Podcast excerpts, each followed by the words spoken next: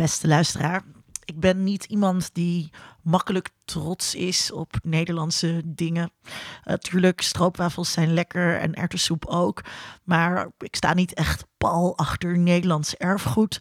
Behalve als het gaat om house muziek. Ik kan dus heel erg uh, uh, aan, aan expats die over de vloer komen vertellen hoe To Unlimited ons nationaal erfgoed is. Ik kan ze doodgooien met, met DJ Jean's The Launch.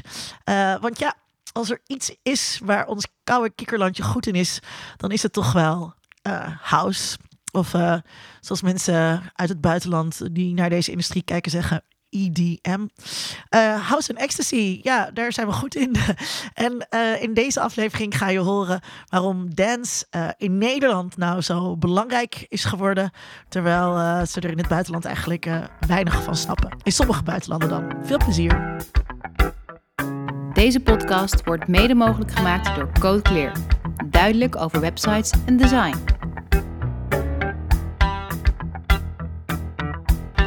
Vanuit Amsterdam is dit Onder Media Doctoren, de podcast waarin communicatiewetenschappers zich verwonderen over de media. Beste luisteraar, het was fucking ADE. En dat zal, fucking ADE! En dat zal volgend jaar wel weer fucking ADE zijn.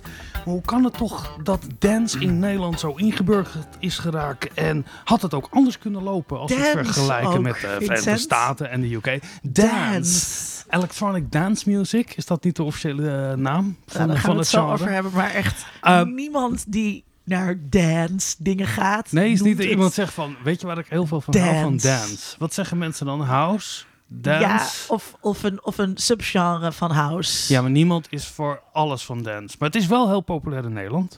En we willen graag weten hoe dat komt. Uh, want we hebben de afgelopen week weer uh, veel van gezien. Um, en dat gaan we vragen aan uh, dokter Rens Wildrom. Rens, je bent vorige maand gepromoveerd op een proefschrift Genres, Webs of Field and Institutional Change. The Development of Dance in the US, UK en the Netherlands tussen 1985 en 2005. Van harte gefeliciteerd, ja, jonge dokter. dokter Dank jullie wel. Dokter Wildrom. Ik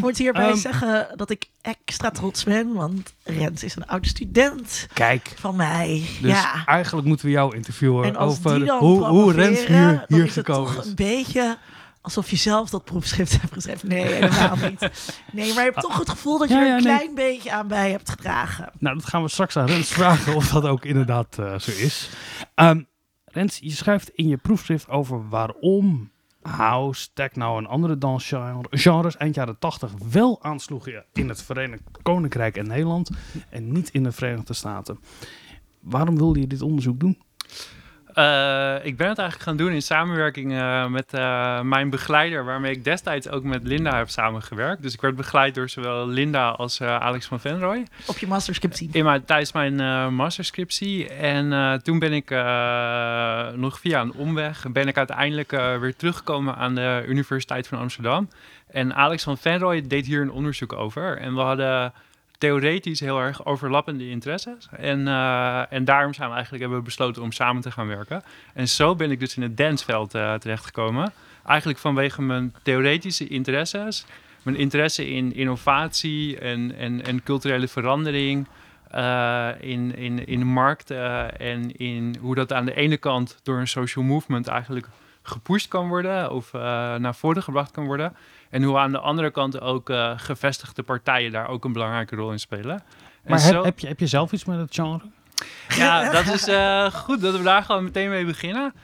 Ik, uh, heb jij net zoveel met het genre als dat ik met het genre heb? Dat zou heel goed kunnen. Ja? Ik, uh, dus niet bijzonder veel. Ik vind wel bepaalde dancemuziek gewoon echt cool. En ik luister er ook wel eens naar. Maar je leeft niet helemaal onder een steen? Ik, uh, nee, precies. Maar uh, ja, zoveel weet ik er ook niet over. Ik praat wel eens met echte liefhebbers en dan gaan ze allemaal... Maar je bent geen fan. Je bent er niet begonnen aan het onderzoek omdat je je al jarenlang, weekendenlang onderdompeld in de scene en nu afvroeg waarom hebben we dit in Nederland of Europa? Waarom is dit zo'n Europees fenomeen en niet een Amerikaans fenomeen? Precies, precies. Dat, maar die vraag heb je nooit gesteld toen je daar was? Nee, nee, nee. Ja. Behalve dat ik wel gewoon geïnteresseerd ben geweest in subculturen en wat, wat die doen. Ja. En dat heb ik wel echt al, zeg maar, al ver voordat ik met dit onderzoek begon, was ik daar al in geïnteresseerd.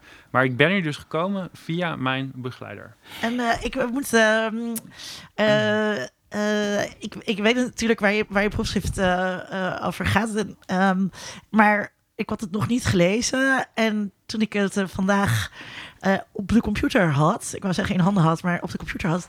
Toen was ik heel erg verbaasd eigenlijk. Omdat je theoretisch kader is vrijwel identiek aan het theoretisch kader van mijn scriptie. In de zin dat je gebruikt theorie van nieuwe sociale bewegingen. Dus je Ja. hebt het over. En dit is letterlijk mijn hoofdstuk, eh, hoofdstuk 2, theoretisch kader, paragraaf 2.2, politieke mogelijkheden, structuur, paragraaf 2.3, de resource mobilization approach. en volgens mij heet het derde bij mij heet framing en bij jou heet het... Ook, ook. Ja, eh, framing, ideology en discourse. Ja, en eh, dus dat, eh, dat vond ik heel leuk en toevallig.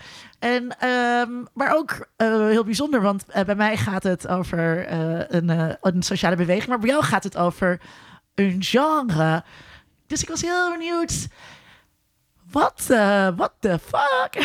Waar, waarom, waarom gebruik je die ehm, ja, politiek-sociologische eh, theorie over nieuwe sociale bewegingen? Waarom op genre? Dat zou ik zelf dus nooit bedacht hebben. Terwijl ik nu ik in de mediawetenschap zit, Mhm. ook nadenk over genre. Ja, ja, ja. Ja, dat is denk ik een hele leuke vraag. Want daar zit inderdaad wel eh, dat een hele belangrijke eh, invalshoek van mijn theoretisch raamwerk. En dat ik inderdaad een genre, dat ik een eh, mensen die zich inzetten voor een genre, die zie ik als een sociale beweging. En eh, het belangrijkste is dat je die mensen niet als individuen ziet. Hè, als er een nieuw genre bijvoorbeeld opkomt, dan, dan wordt er soms gesproken over de individual genius. En dat is eigenlijk het verhaal waar natuurlijk de sociologen meteen eh, dat ze dat de wereld uit willen helpen. En zeggen van nou, die individual genius, die was er eigenlijk op een moment dat er verschillende geniuses eh, waren. En die keken allemaal naar elkaar, die beïnvloeden elkaar, die werden geïnspireerd door elkaar. Die gingen zichzelf misschien op een gegeven moment wel zien als een gemeenschap. Als, dus niet als individuen, maar als mensen die toch een soort collectieve identiteit hebben. En een van de redenen waarom je het ook als een sociale beweging zou kunnen zien, of als movement, is dat die nieuwe genres, die hebben nog niet zo'n goede plek binnen een veld van culturele productie. Die staan vaak nog in de, in de marge, eh, maar niet in het centrum van een veld. Want daar, zit, daar zitten de gevestigde genres. En juist omdat ze dus die eh, meer gemarginaliseerde positie hebben, en eigenlijk vaak wel natuurlijk een meer centrale positie willen hebben, kun je ze ook zien als een eh, sociale beweging. En dat is iets wat, eh, ja, wat jij hebt ook wel eens onderwijs gegeven over, over genres. Eh, Ja. Dat is toch wel binnen mediastudies gaat het alleen maar over genre als in tekstkenmerken. Ik heb nog nooit ben ik iets tegengekomen waarbij. je hebt een koppeling tussen genre en fans natuurlijk. Hè? Dat, dat fans zijn fan van een, eh, eh, een bepaalde titel. Het zit vaak in een bepaald genre. En het genre creëert ook wel weer bepaalde verwachtingen waarop je dan weer ja, maar fan kan nooit zijn. aan de productiekant. zelden. zelden. Aan de eh, industriekant gaat het nooit hierover. nee. Ik moest, Terwijl ook, dat natuurlijk wel heel interessant is. ik, moest, ik moest ook denken in de... Bezie jij mensen die binnen het, die bewegingen, die, die, die, in alle geledingen die daar zijn, of het nou de consument zijn of de voortrekkers daarvan, Ehm, je, je kan het zien als een beweging, maar dan wordt het ook wel heel erg een soort lifestyle. Hè? Is het, zijn deze mensen ook daadwerkelijk hier de hele dag mee bezig? Ehm, nou, ik Of denk moet niet ik hem nou- anders vragen? Moet je de hele dag ergens mee bezig zijn om onderdeel uit te maken van een beweging?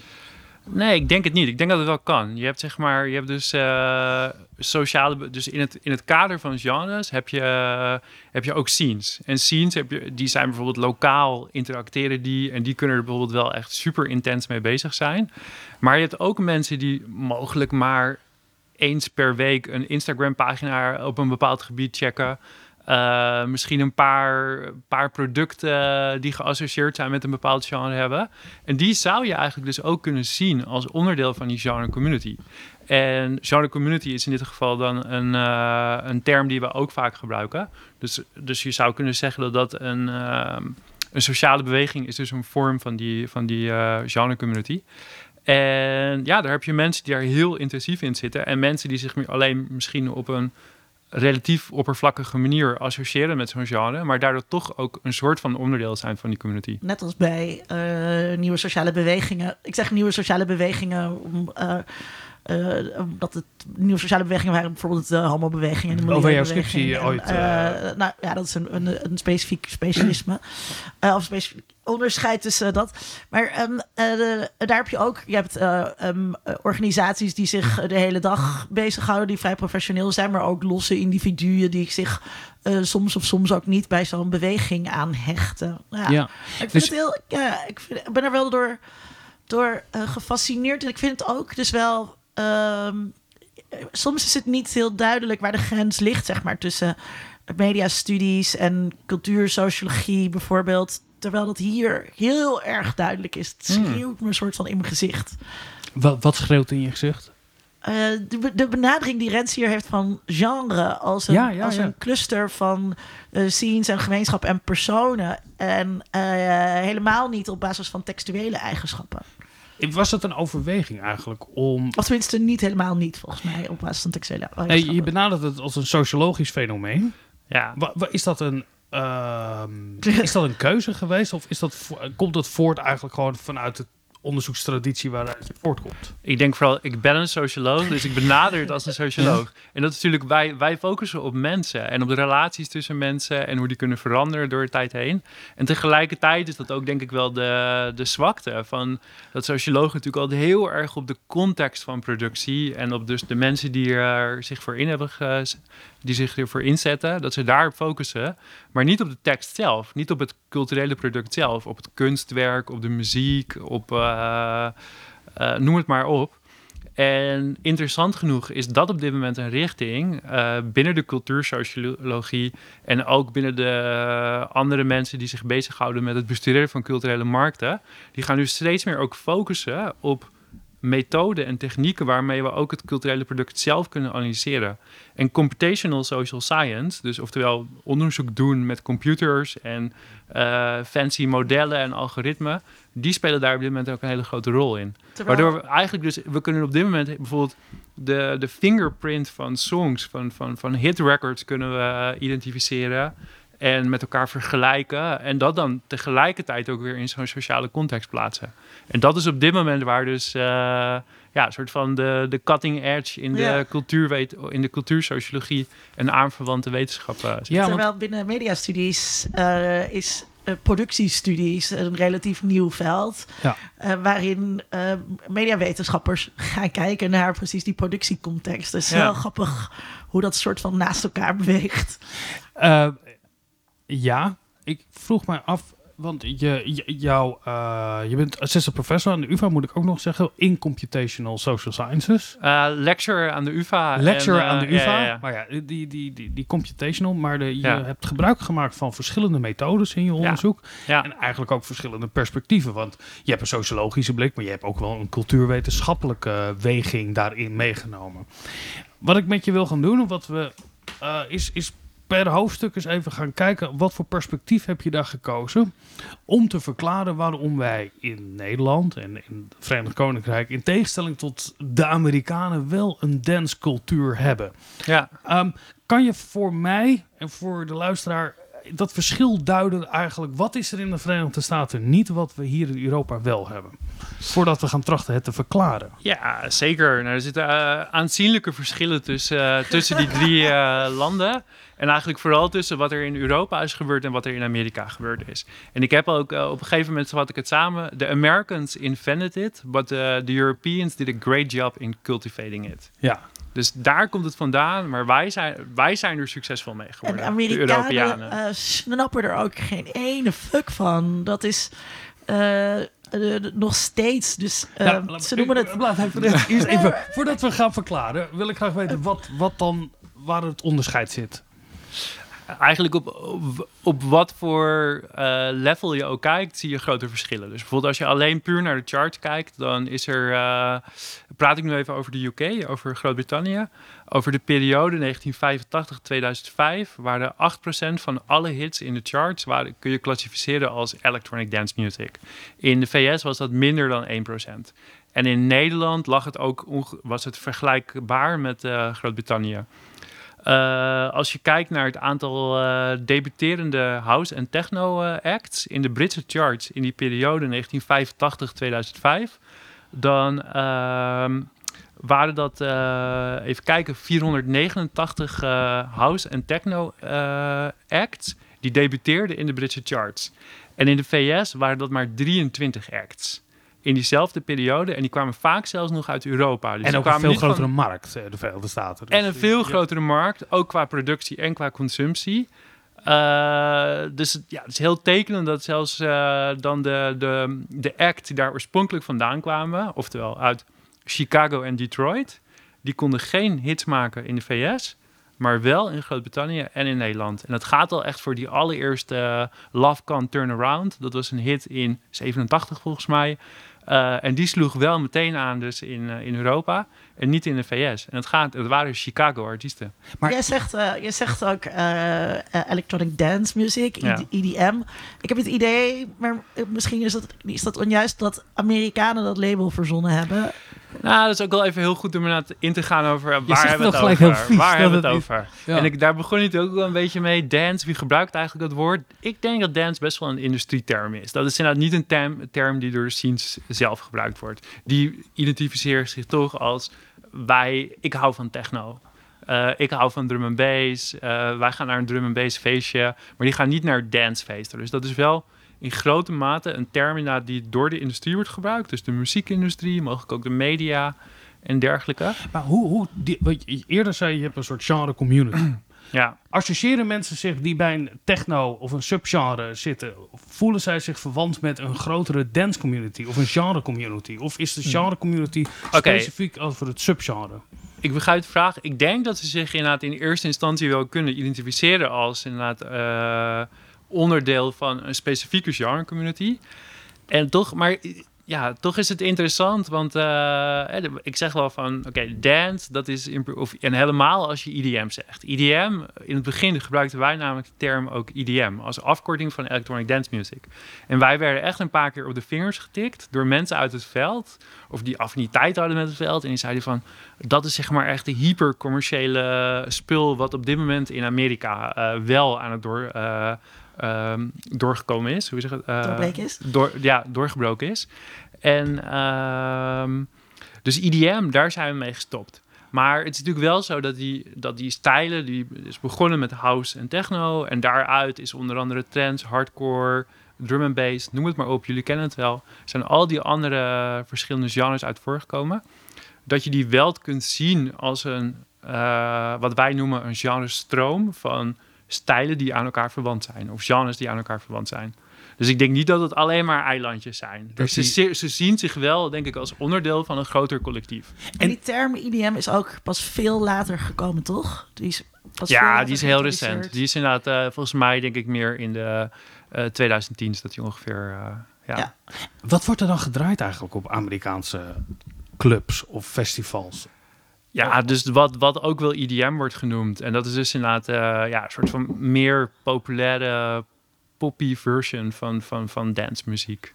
En daarvoor eh, eh, was, werd gewoon in clubs heel veel R&B gedraaid. Ja. Dus dat, dat, en sowieso is het een hele andere uitgaanscultuur ook. Dus als je hier naar een club gaat, dan kan je vaak nergens eh, zitten. Of misschien eh, is er ergens een, eh, een trapje of een bankje. Maar het zijn vaak soort van kille ruimtes waar je gaat staan. En dan ga je gewoon de hele avond dansen. Terwijl in de VS heb je veel meer ehm, tafels en VIP-tafels. En dan bestel je daar eh, flessen eh, drank. Dus ook de hele soort van De consumptie. oude bar dancing eigenlijk, die in de jaren... Eh, nou ja, maar 60, hier, wij, 70. gingen, wij gaan natuurlijk ook, als je hier naar een bar dancing gaat, ga je ook niet zitten. Ja, maar er zijn toch van die kleine tafeltjes dan, tenminste die oude.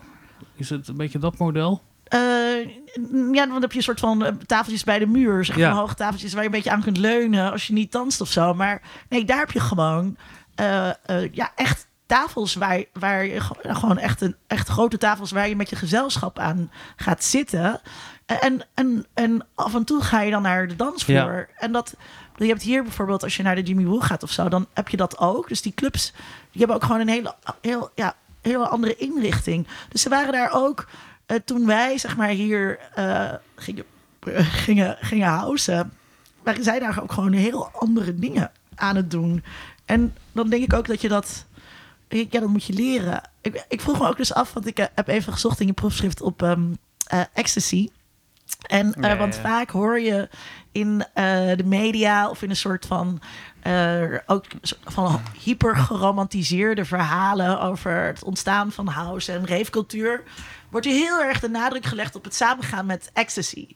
Eh, daar, hoe, hoe, hoe sta jij daarin? Want, want dan kun je zeggen, het, het, het, je kunt het verschil ook verklaren door wij hadden ecstasy en zij niet.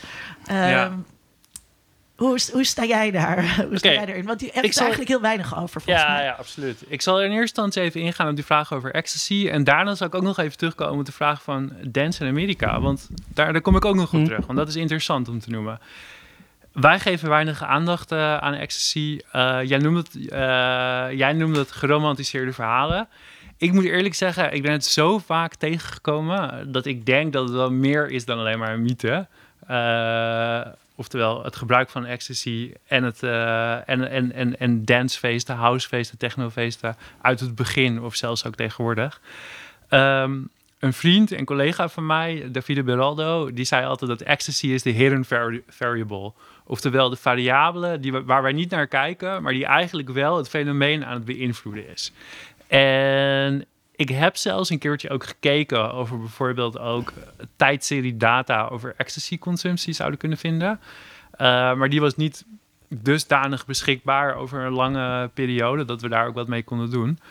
Maar ik denk als je gewoon, als je in ieder geval naar de secundaire literatuur kijkt, oftewel de histories, de mensen die hebben geschreven over hun tijd in die scenes, over hun tijd als, als bezoekers van feesten, dan het komt altijd terug. En het komt, eh, het komt eh, veelvuldig terug. Ik denk Ja. ook wel, eh, of ik weet dat het, eh, dat, dat, dat gelijktijdig gaat. Ja, ik bedoel, een soort van geromantiseerd. Je kunt natuurlijk een hele mooie, leuke documentaire maken over het begin van de ravecultuur en alles was liefde. Of zeg maar dat verhaal over Manchester en de Hacienda, wat al duizend keer verteld is van voetbalsupporters die elkaar voordat House kwam, eh, elkaar altijd in elkaar sloegen. En toen kwam ecstasy en dan vonden ze elkaar allemaal lief en gingen ze in één keer uren dansen. Dus het is... Eh, dus ik denk dat het zowel een soort van empirisch waar is, als dat in de manier waarop dat Ja. verhaal verteld wordt, een soort van heel groot en mooi gemaakt wordt. Ik denk dat dat een goede samenvatting is. Ja. Ja, en proefondervindelijk kan ik getuigen dat het een stuk draaglijker wordt. eh, een feestje met de nodige middelen. Op, Rens, op aanvraag is, eh, wil je de rol van dit verhaal en deze uitspraak eh, van Vincent horen, dan kan je mij eh, hier, hierover een bericht sturen en dan klap ik graag uit de school. ik ga gelijk door. Rens, eh, je ging nadenken. We hebben vastgesteld dat er een groot verschil is in de Verenigde Staten en Ja. in, in Europa. Ik, vat het even samen met Europa.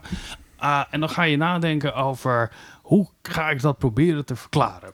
Ja, maar mag ik eerst Ja? nog één ding? eh, Ja? Want eh, ik word namelijk altijd op de vingers getikt via eh, Twitter, LinkedIn of Instagram op het moment dat er iets over ons onderzoek verschijnt. En, en want de insteek is altijd waarom kon dance zo populair worden in, in Europa en niet in de VS? En mensen zeggen dan, ja, maar dance komt, house komt uit de VS. Ja, En ook als we het, eh, als we het hebben over uh, het verschil in clubs en dergelijke.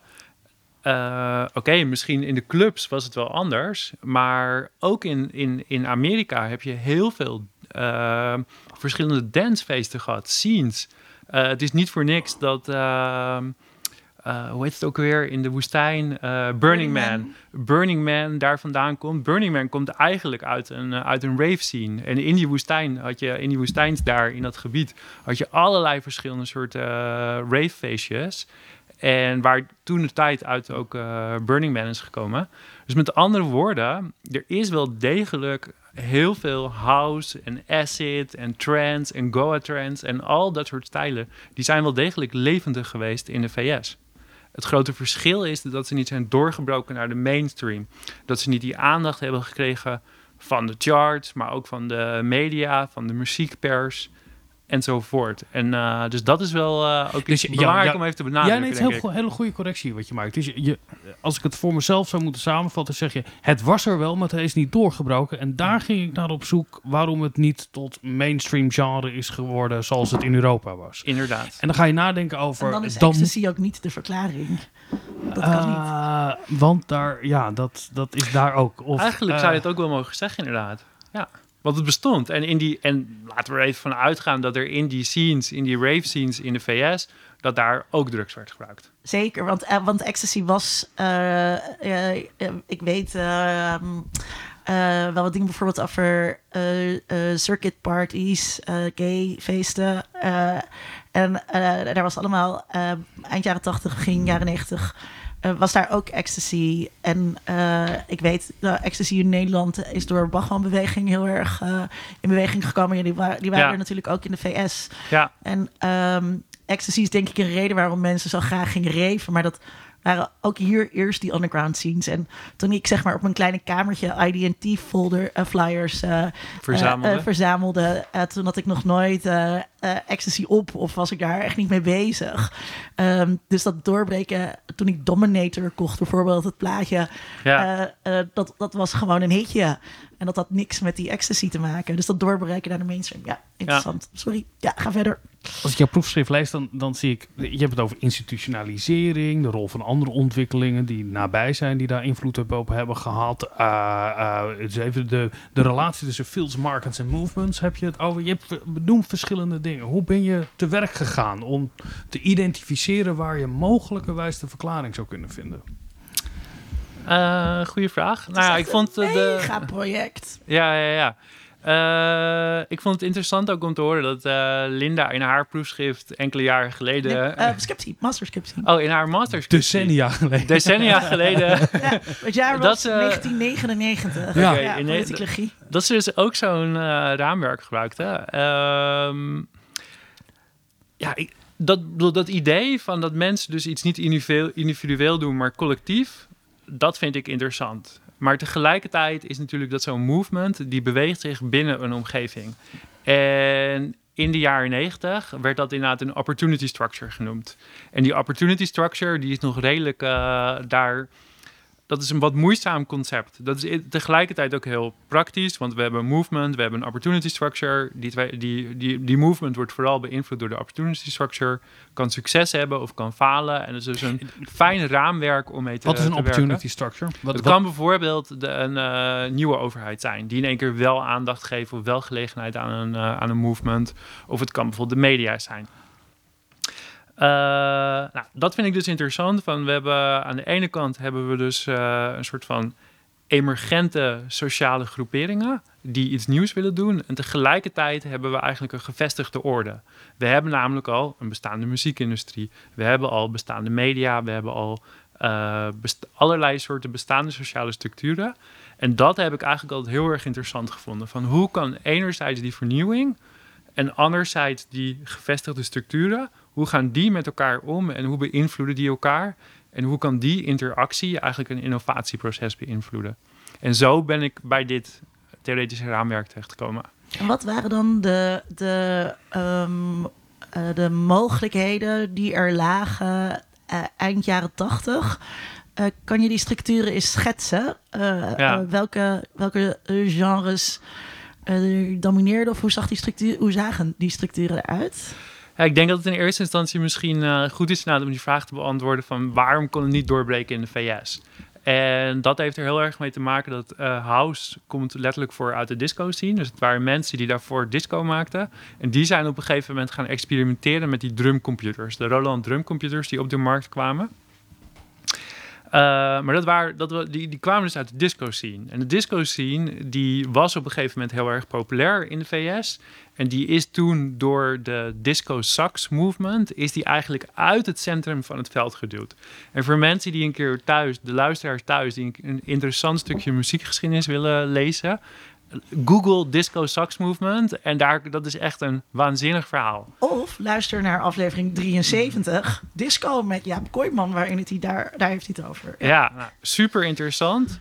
Maar in ieder geval, die artiesten, die, waren ook, die zaten ook in de marge van het muziekveld. En daar is dus het house geboren. Dus daar zaten artiesten zoals Jesse Sanders, die de eerste houseplaatjes gingen produceren en uitgeven.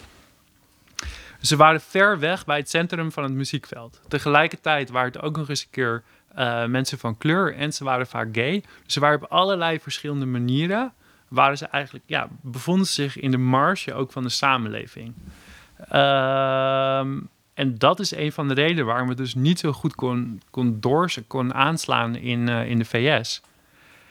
Kijk je daarentegen naar de mensen die het hebben opgepakt in Europa, dat waren mensen allemaal met uh, juist best wel goede posities. Dus bijvoorbeeld een BBC-radiomaker. Uh, bijvoorbeeld mensen die uh, hier in Nederland die al hele goede connecties hadden bij de Volkskrant, die voor de Volkskrant schreven.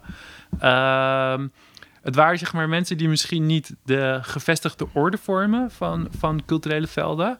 Maar ook, wel, maar, degelijk, maar ook niet de periferie. Ze hadden juist een mooie soort van middenpositie. En, en zij zijn dus met z'n allen op, uh, op, op dat nieuwe genre gedoken. Maar was het dan zo dat die disco sax movement... Ja. Uh, die was er in Europa ook. Zo'n soort tegenbeweging tegen de, de nou ja, waar disco voor stond. Voor uh, wat dan gezien werd als, als plastic en glitter. En, en, en was die in Europa dan wezenlijk anders, waardoor er wel ruimte bestond om uh, een nieuw genre te introduceren? Nou, ik, ik, weet, ik weet sowieso niet of er echt een hele expliciete disco sax movement uh, was in, uh, in Nederland. Want dat was wel echt een heel specifiek uh, fenomeen wat door een Amerikaanse discjockey toe georganiseerd ja. is. Met onder andere een soort rituele plaatverbranding in, in een stadion. En dat ging er allemaal nog wel heftig aan toe.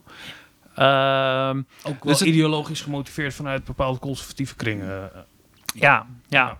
Uh, in Nederland zijn er onder andere ook mensen betrokken geweest uh, bij, bij het uh, groot maken van house, die aanvankelijk ook in disco zaten. Dus in Nederland zat er ook wel een link tussen disco en, en, en, en house muziek.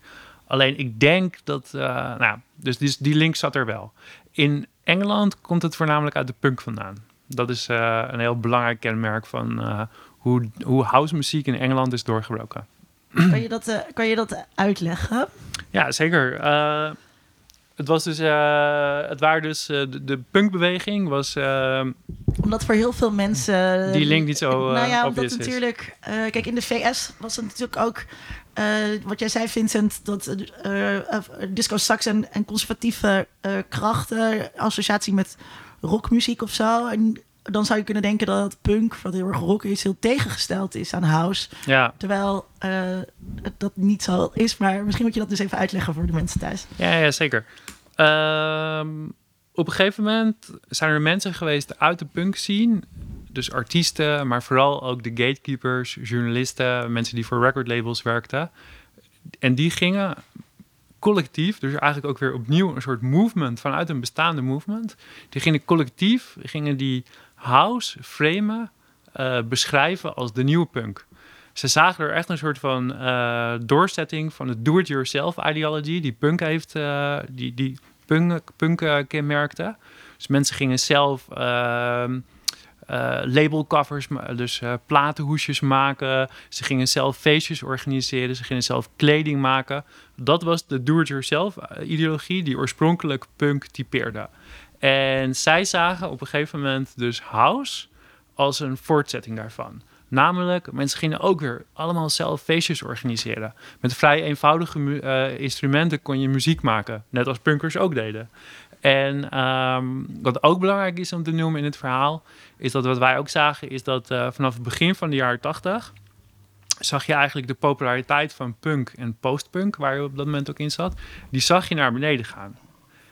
En in die tijd, dat het dus eigenlijk slecht ging met dat genre, zijn dezelfde mensen die zich dus die zich aanvankelijk hadden verbonden met het genre, die waren op zoek naar een nieuw genre en dat was house. En het interessante ook is dat waar, wat een van onze studies laat zien, is dat juist omdat house muziek en techno in Amerika niet konden doorbreken, vonden juist de mensen uit Groot-Brittannië, de gatekeepers uit Groot-Brittannië, vonden het juist interessant. Want ze wilden iets wat ze nog konden ontdekken. Iets wat authentiek was, iets wat nog niet commercieel was.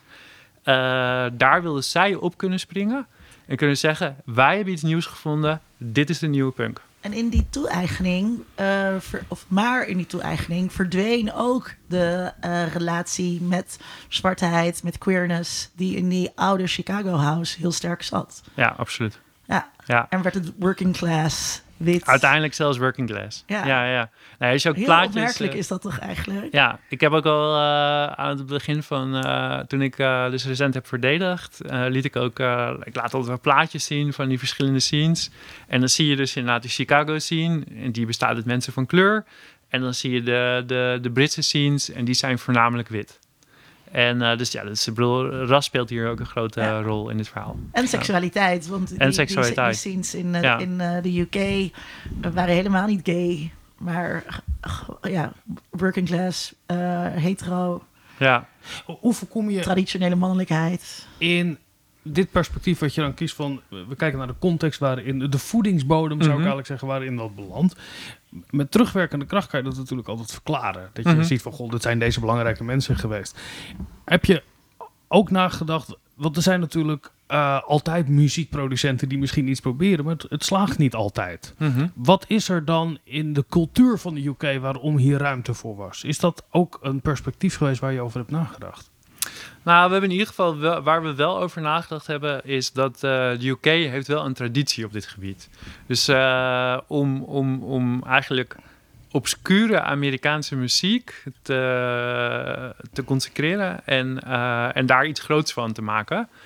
bijvoorbeeld dus ook Northern Soul. Dat waren obscure soulplaten uit onder andere Chicago. En die, die deed het commercieel niet zo goed in de VS. En dat heeft eigenlijk een hele, hele actieve dansbeweging in, uh, in de UK in volgens mij het midden van de jaren 70 uh, tot stand gebracht. Uh, de Rolling Stones waren ook bezig met obscure platen uit de VS en om daar weer nieuwe muziek van te maken. Wat gewoon, dus de Rolling Stones maar die kopieerden een soort van obscure muziek uit de, uit, de, uit de Verenigde Staten. Werden daar eerst populair mee in de UK. En pas veel later werden ze populair in de VS. Ja. Wat natuurlijk gewoon met dance dus ook zo gegaan is. Ja. ja. Ja, een parallele geschiedenis. Mooi is dat. Het is echt een parallele geschiedenis in dat uh, ja, ja. Wat je, de vraag die jij ook wil, of die jij een beetje overslaat hier, als ik dan bij jouw theoretisch kader uh, blijf. Je hebt dus die, die mogelijkheden uh, structuur. Mm -hmm. maar een tweede stroom waar je naar kijkt is resource mobilization. Dat er mhm. ook bepaalde resources waren. je noemde net die drumcomputer. Ja. wat waren andere resources die juist zo gunstig uitpakten voor, voor House? In Europa. Ja. ja. Ik denk dat je dan toch uh, met name het sociale netwerk. Dus die personen die in eerste instantie uh, House hebben opgepakt in, in bijvoorbeeld Groot-Brittannië of Nederland, dat waren dus mensen met een goed netwerk. En die waren dus niet zeg maar de bazen van de grote recordlabels, maar ze hadden wel een, een, een interessante positie binnen het culturele veld van ofwel Nederland ofwel Groot-Brittannië. Dus ik denk de voornaamste resource waren gewoon netwerkconnecties. Het kennen van mensen. En daar via die connecties hebben ze voor uh, bijvoorbeeld geld kunnen krijgen. Dus letterlijk heb ik gewoon gelezen in boeken van dan kon uh, de Roxy onder andere zo opgericht. Kon een van die oprichters kon wat geld lenen van zijn tante en daarmee konden ze onder andere die club beginnen. Ja. Uh, in het, in het verhaal van, nou, je noemde net al de Hacienda. dan is een club dus ook een uh, resource. Een club wordt ook een resource. Uh, het, het, hebben van ruimtes, het, uh, de ruimte om muziek te kunnen maken of feestjes te kunnen geven, dat zijn ook resources. En die waren dus in, in, in beide Europese landen waren die veel meer aanwezig via die netwerkconnecties. Ja, en dan de derde, uh, daar had je het eigenlijk al een beetje over uh, framing en ideologie, dus hoe, hoe uh, de journalistiek erover schreef. En dat was direct positief of soort van positief hier. Ja. Ja, en wat daar ook belangrijk is geweest, is dat ze het ook als iets heel erg distinctief hebben geframed. Dus dance werd echt al, of elektronische dansmuziek, house, werd echt als een soort breuk gezien binnen de, binnen de ontwikkeling van muziekstijlen en muziekstromingen. En werd dus als iets heel innova- innovatiefs omschreven. Terwijl in, in de VS en ook zelfs wel in, in Nederland en Groot-Brittannië bepaalde mensen ook wel zeiden van eigenlijk is het gewoon een continuering van disco. Want ehm, eh, dat, dat, zo leeft het ook altijd heel erg in mijn hoofd. Dat in één keer kwam iets helemaal nieuws. En hoe exciting is dat? Net als Ja. dat eh, eh, het ontstaan van eh, rap en hip-hop ook als een soort van breuk Ja. gezien wordt. Terwijl ook dat natuurlijk heel erg voortbouwt op disco bijvoorbeeld en, en op school. Ehm, maar ondertussen weet ik ook dat er natuurlijk dingen waren als krachtwerk. waar ook heel erg, wat ook gewoon ja, elektronische Ja. muziek is. Dus hoor ik nou goed dat jij zegt dat ook eh, eh, dat, dat zo'n verhaal van een, eh, van een van uit het niets Ja. dat dat ook een soort van mythologisering is vanuit, vanuit journalistiek, die er die dus aan bijdraagt dat iets een succes wordt, terwijl dat feitelijk eigenlijk een beetje. Ja. Ja. Nee, als je over de, de, ja, hier kan ik op ingaan. Dat is ook leuk, want namelijk als je, als je leest over eh, de eerste hou- houseplaten en de geschiedenis van, van dance, eh, dan wordt het, het woord krachtwerk valt altijd. Ja. En terecht. Ehm, kijk, het is natuurlijk vrij, in een zekere zin is het arbitrair dat je zo'n muziek, dat je zo'n ontwikkeling hebt van muzikale genres, inclusief kraftwerk, eh, kraftwerk, maar ook synthpop, andere elektronische stijlen. En dat we op een gegeven moment zeggen, dit is het begin van elektronische dansmuziek geweest. En, en hier spelen wij dus eigenlijk altijd een sociologenkaart. En dat is in deze ook een makkelijke kaart. Wij zeggen van, oké, wij gaan niet proberen als sociologen om zelf te bepalen wat is nou elektronische dansmuziek en wat niet. We gaan falen op dat gebied. Maar wat wij doen is, we kijken naar het veld en we bestuderen de mensen die, en we kijken hoe die dus framen. Wat is nou de oorsprong van, van, van dansmuziek? En daaruit blijkt wel inderdaad dat dus die eh, house en techno worden gezien als, als de root genres, waar dan heel veel andere dance genres uit, eh, uit zijn gekomen. Eh, en dat wordt dus wel degelijk als een breuk gezien. Maar tegelijkertijd kan ik ook noemen, daar is altijd content, daar is altijd discussie over. Er zijn altijd mensen die zeggen, maar what about Kraftwerk? Ja. En, eh, dus eh, het is niet een rechtlijnig verhaal, maar er is wel een soort consensus. Hoe, hoe kijk jij dan naar verklaringen? Want je, je zoekt die verklaringen in, in, in, in de context. Maar ik kan me ook nog herinneren uit de vroege jaren negentig... dat er werd gezegd, ja, het, is, het is apolitiek en het is, eh, het is hyper eh, eh, individualistisch. En hedonistisch. En, En hedonistisch. ja, en, Ja, ja, en- ja. en dat gecombineerd met apolitiek. Ja. Eh, Ja, ja, ja. we hebben de val van de muur eh, op een gegeven moment hebben we gehad. Eh, we hebben de industrialisatie. eh, tenminste, de, de, de, de zware beroepen gaan uit het westen weg. Dus we krijgen veel loodsen die openstaan waar eerst staalarbeiders zaten. Economisch ging het voorspoedig in die jaren. Hoe kijk je naar dat soort verklaringen? Ehm, ah, ik denk dat... Ja, dat is interessant. Eh, er is een hele leuke, goede cultuursocioloog, Nick Crossley. En die heeft ook gekeken van... Zouden dat soort verklaringen eigenlijk kunnen verklaren... waarom punk is doorgebroken? Dus onder andere dat het slecht ging met in, in, eh, in Groot-Brittannië en dergelijke. En eh, dus meer een soort van de dat cult... Dat cult en de werkloosheid, dat die creativiteit Ja. deed broeden. ja, het culturele klimaat. En, eh, en hij ging zo een heel lijstje van, van, eh, van mogelijke factoren af binnen dat kader. En hij kwam eigenlijk, ja, als je naar de timing kijkt van wanneer punk doorbrak, had het dus daar allemaal niet zo heel veel mee te maken. En hij zag het wel echt als een soort autonoom, als een soort autonoom resource mobilization proces, movement mobilization proces. En dat het dus eigenlijk is weer niet zoveel met het culturele klimaat te maken. Ik denk dus dat eh, een aantal dingen die jij zegt, bijvoorbeeld die, eh, die leegstaande loodsen, eh, was natuurlijk hier in Amsterdam ook heel erg. De silo, eh, ehm, ehm, eh, pakhuis.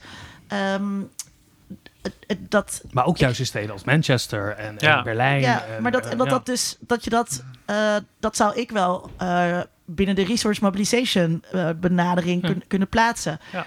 Ik zag gewoon een hele toffe docu over ehm, Berlijn in eh, november 1989. Ehm, eh, waarin al die dingen, dat politieke ook heel erg, heel erg samenkomt. Eh, wat, jij, wat jij zegt, volgens mij heet die docu We Call It, we call it Techno. En dan Ja, ja, ja, ja, Techno ja. met een K. Ja. En eh, dus als je die kan eh, vinden, de luisteraar, dan moet, je die, dan moet je die zeker kijken. En het is heel opwindend om dat als kijker te zien vanwege, vanwege die val van de muur. En dan wordt er dus echt zo gezegd dat mensen uit Oost-Berlijn, weet je, die, die hadden überhaupt geen dansfeesten. En die kwamen dan in één keer in een loods eh, terecht en zo. Ehm, terwijl dat, daarmee wordt het dus heel, juist heel politiek. Eigenlijk heel politiek gemaakt. In dat, in dat ehm, eh, post-Koude Oorlog eh, verhaal. Daarin is dan het hedonisme ook een soort van politiek statement. Ja, Je kan jezelf er altijd een beetje een soort van in vastdraaien, denk ik. Als, ja. als iemand A doet en het komt door B, is het ook politiek gezien. Hè? Als je een soort hedonistisch, individualistisch feestje hebt, is in zichzelf kan dat ook politiek zijn. Ehm, de inter je hebt het over de interactie tussen fields, markets en movements. En dat die in de UK en in Nederland beter op elkaar afgestemd is. We hebben de markets en de movements hebben we wel een beetje benoemd. Wat versta je onder fields of web of fields heb je het over? Ja, nou ja, dan gaan we meer de theoretische kant Ja. op. En dat vind ik op zich ook wel eh, interessant. Want heel vaak dan willen mensen toch meer over de geschiedenis en de sappige verhalen hebben. En dit is natuurlijk een, eh, een andere kant.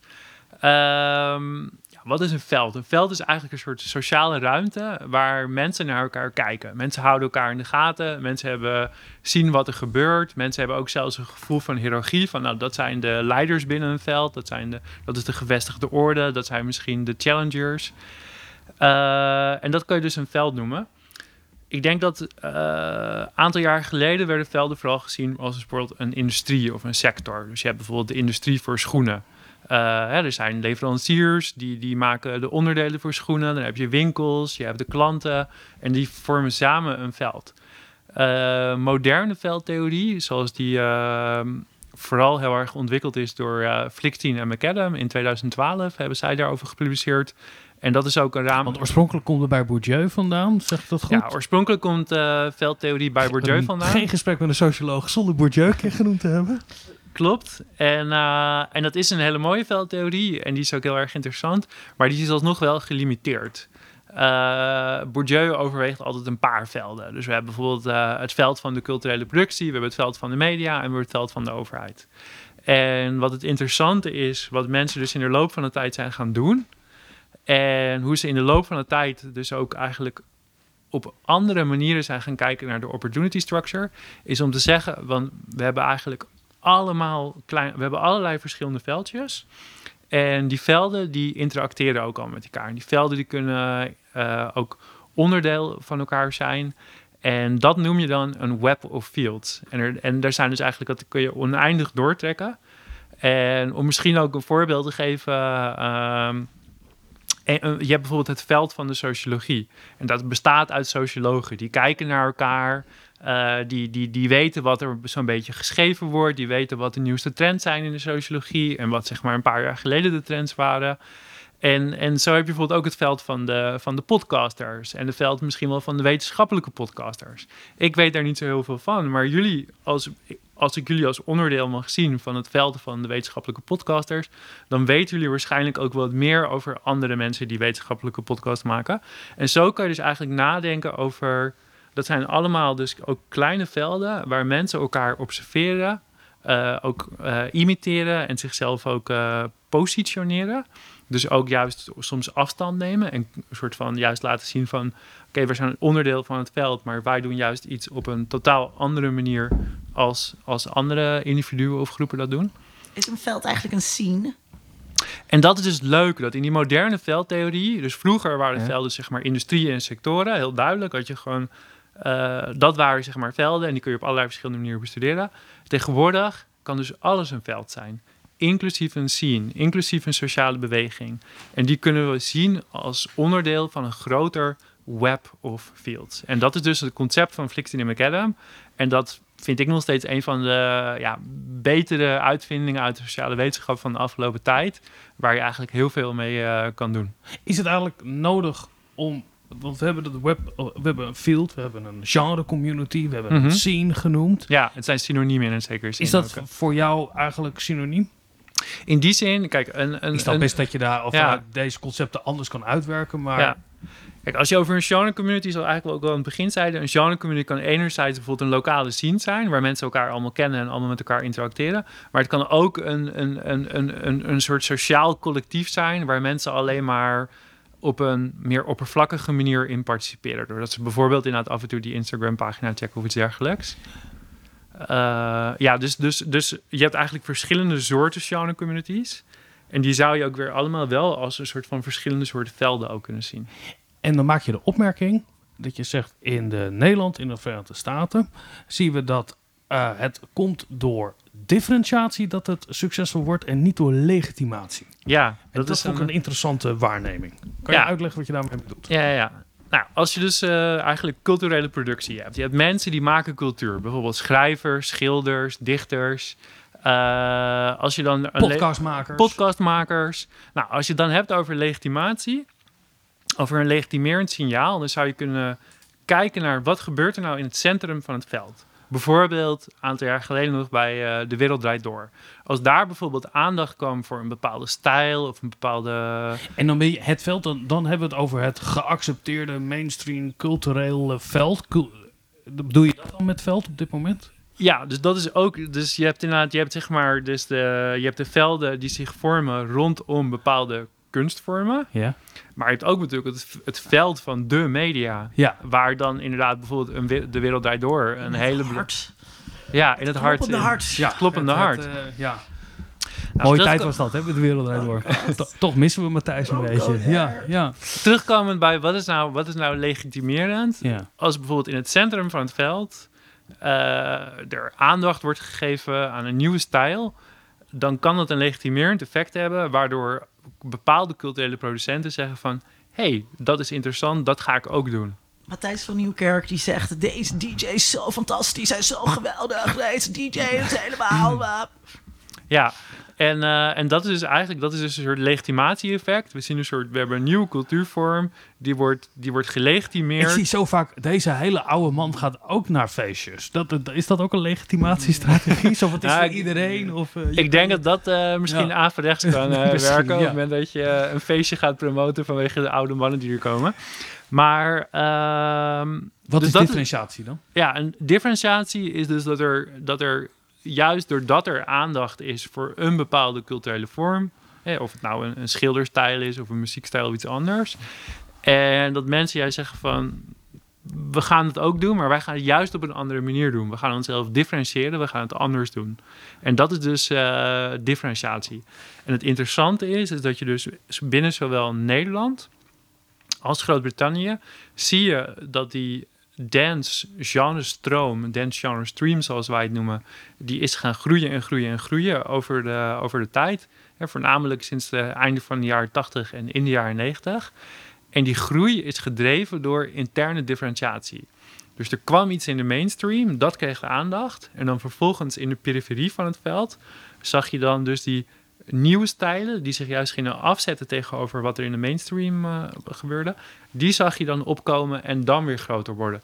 Totdat die in de mainstream kwamen en dan kwamen er weer nieuwe stijlen. En dat noem je dus eigenlijk, zou je kunnen noemen, groei door middel van interne differentiatie. Ik moet een beetje aan Darwin denken. Als je een grotere variëteit hebt, ben je ook minder kwetsbaar. Ja, En het zijn mensen ook die eh, dit noemen dit eh, cultural evolution. Ja, Ja. nou, dan, dan heb ik dat goed, Ja. goed bedacht. Dan benoem je, maak je punt af. Ah, en dat is dan ook zoiets interessants. Dus, dus eigenlijk was, was ik al... eh, maar dus die culturele evolutie... en dat is dus ook een... eh, en, en die interne differentiatie... en dat is dus wel een soort van nieuwe manier van eh, naar, naar, naar een cultureel veld kijken. Dat... En dat... Nou kom ik ook een beetje terug waarmee ik ook in het verhaal eh, begon. We hebben enerzijds hebben we die sociologische manier. We kijken naar de context van productie, de mensen die ermee, eh, die zich, die, die, die ermee bezig zijn. En anderzijds hebben we de tekst zelf. En een beweging binnen eigenlijk dus die cutting edge, binnen de cultuursociologie en verwante velden, die kijkt dus nu heel erg hoe die eh, genres dus ook elkaar aan het beïnvloeden zijn en hoe dat weer groei en verandering ook binnen, de, binnen de context en de productie uh, tot stand brengt. Want hoe, hoe, heb jij, hoe heb jij vastgesteld dat het in de VS differentiatie was en hier legitimatie? Hoe heb je... Nou, andersom. sorry, andersom. Oh, ja, wat, ja, voor, wat, voor, methoden zitten daarachter? Nou, in eerste instantie in, in de VS zagen we eigenlijk zagen we die decoupling. Dus wat er in, wat er in de markt gebeurde, had niet zoveel, had niet zoveel uh, invloed op die rayfeestjes in de woestijn. Dus dat is zeg maar, daar zagen we een, een, een ontkoppeling tussen de markt en de movement. In, uh, in Europa zagen we juist wel een koppeling tussen die markt en de movement. En wat voor methode gebruiken we dan? Wat voor data? Eigenlijk heel veel tijdserie data. Dus we gaan gewoon tellen. Uh, we kijken bijvoorbeeld uh, hoeveel hits binnen een bepaald dance genre komen er op een bepaalde tijd in de charts. En dan aan de andere kant tellen we bijvoorbeeld wat gebeurt er juist in het bredere veld.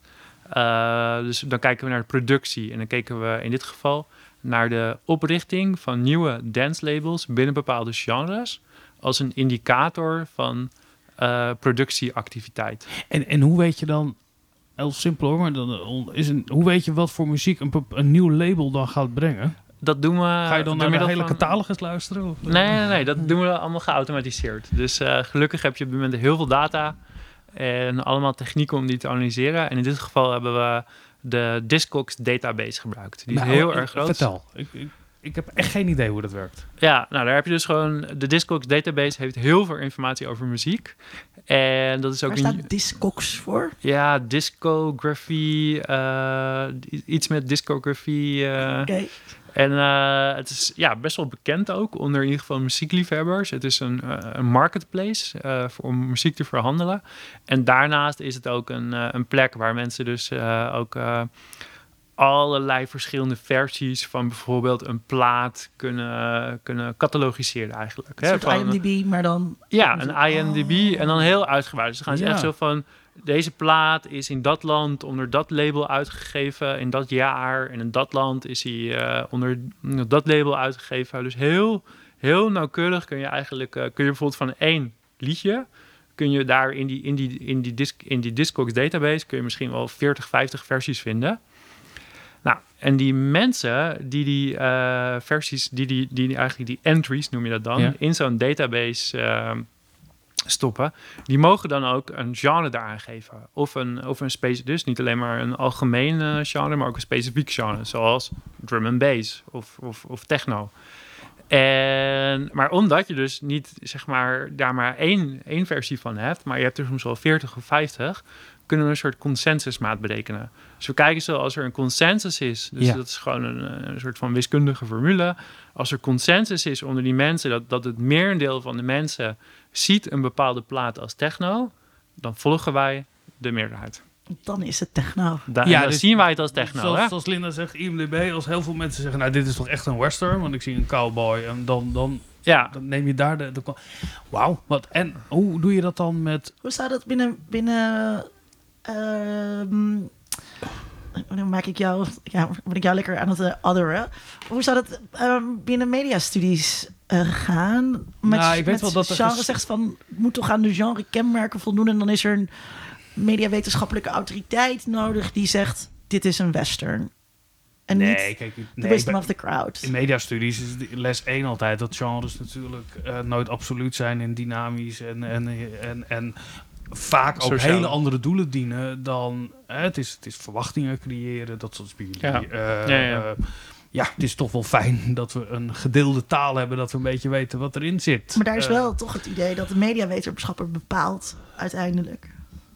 Nee, dat, nee. Ja, ja, dat denk nou, het, het, je hoort me gelijk. Ik denk inderdaad in de filmwetenschap dat dat wel zo is. En mm. dat het in de televisiewetenschap anders is. Uh, ja, televisiewetenschap is ook veel beter. Dat denk ik ook. Maar televisiewetenschap, eigenlijk stel je de vraag niet welk genre is het. Je hebt de vraag beantwoord. Hoe, wat, wat vindt de goede gemeente wat voor genre het is? Dat is eigenlijk De, de vraag die je beantwoordt.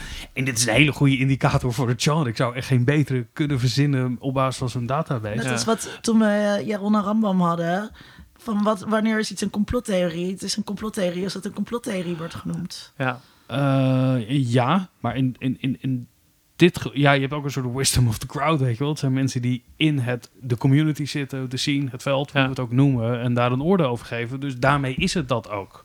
Ja, Uh, want je, gaat niet, je laat niet 30 nummers horen en je gaat naar de muzikologische constructie van een bepaald nummer kijken om het genre te bepalen. Dat zou ook kunnen met een computational ja. benadering. Ja, er zijn ook zelfs mensen die dat wel doen.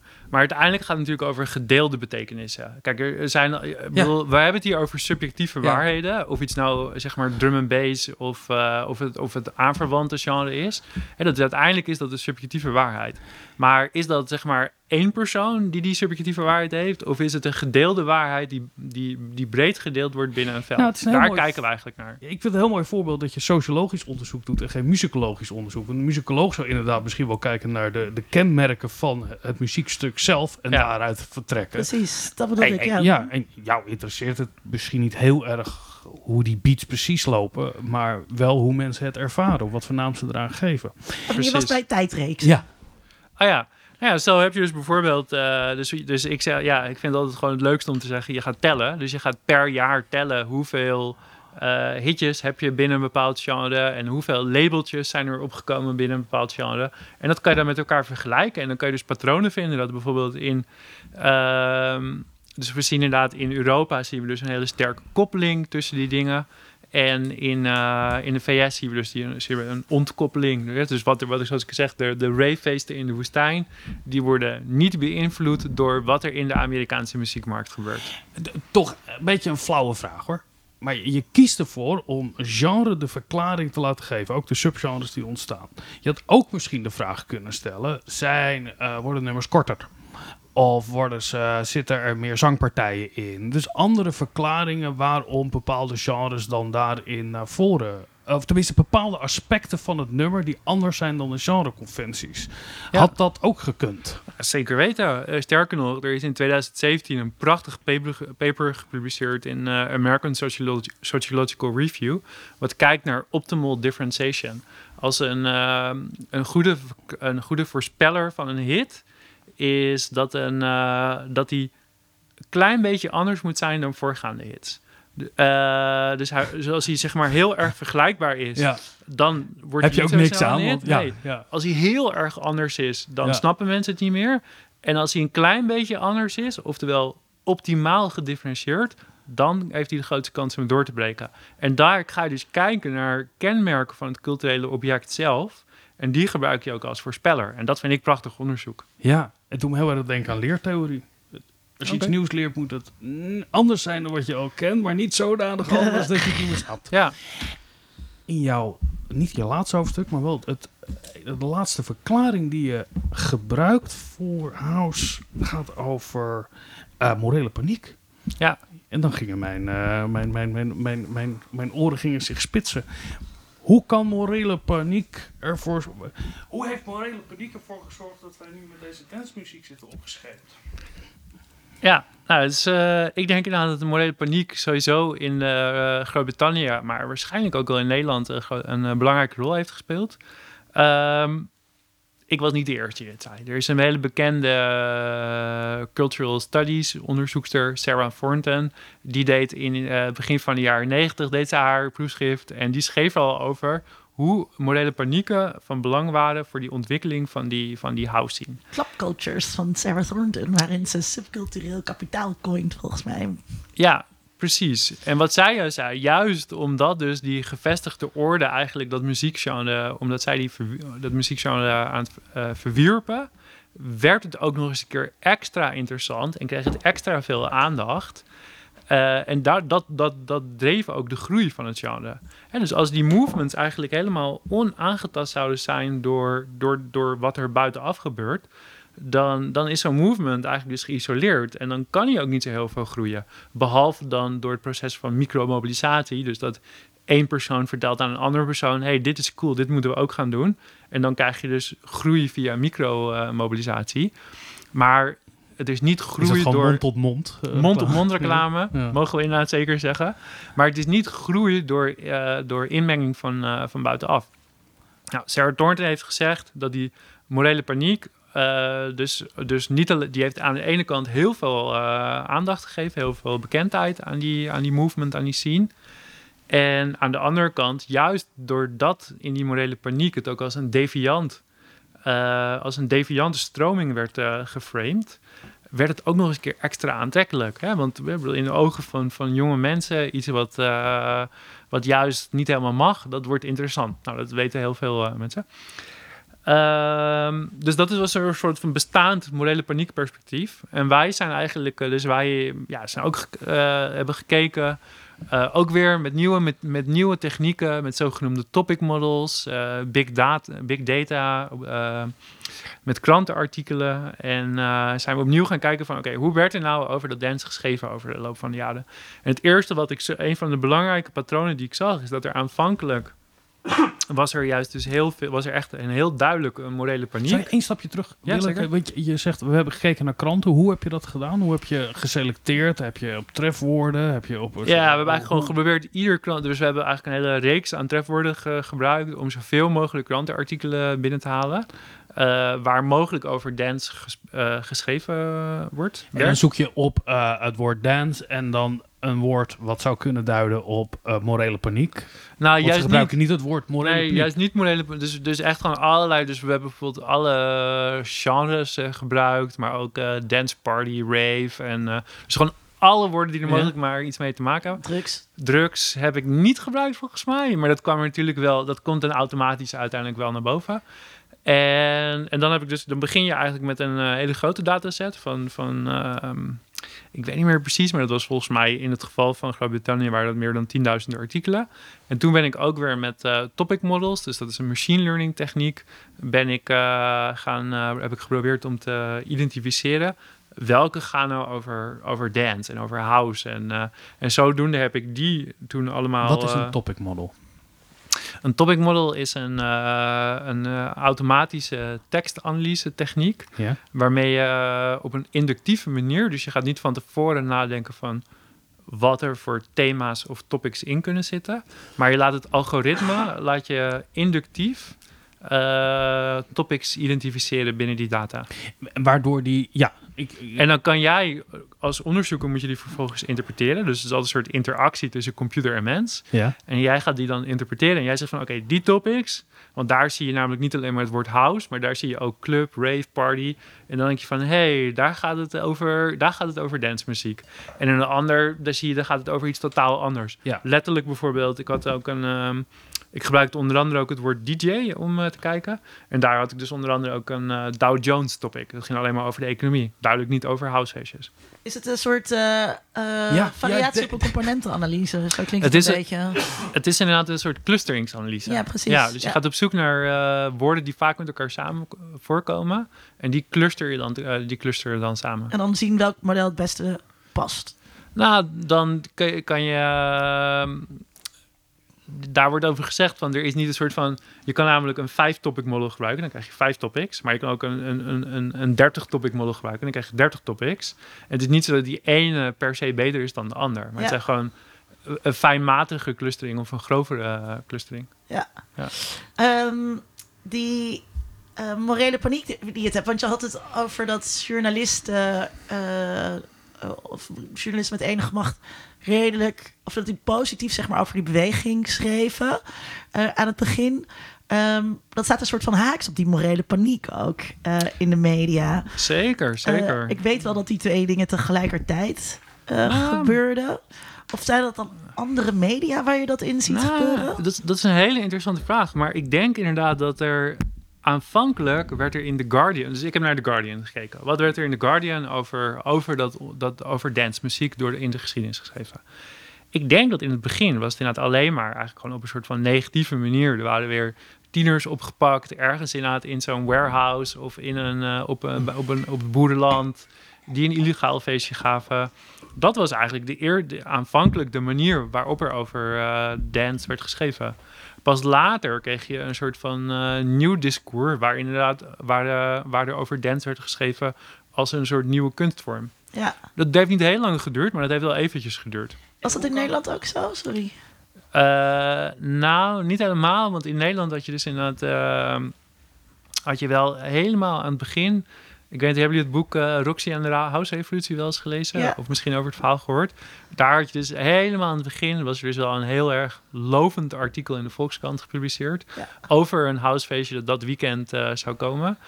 En toen stonden er dus in één keer rijen dik eh, mensen te wachten om naar het feestje te gaan.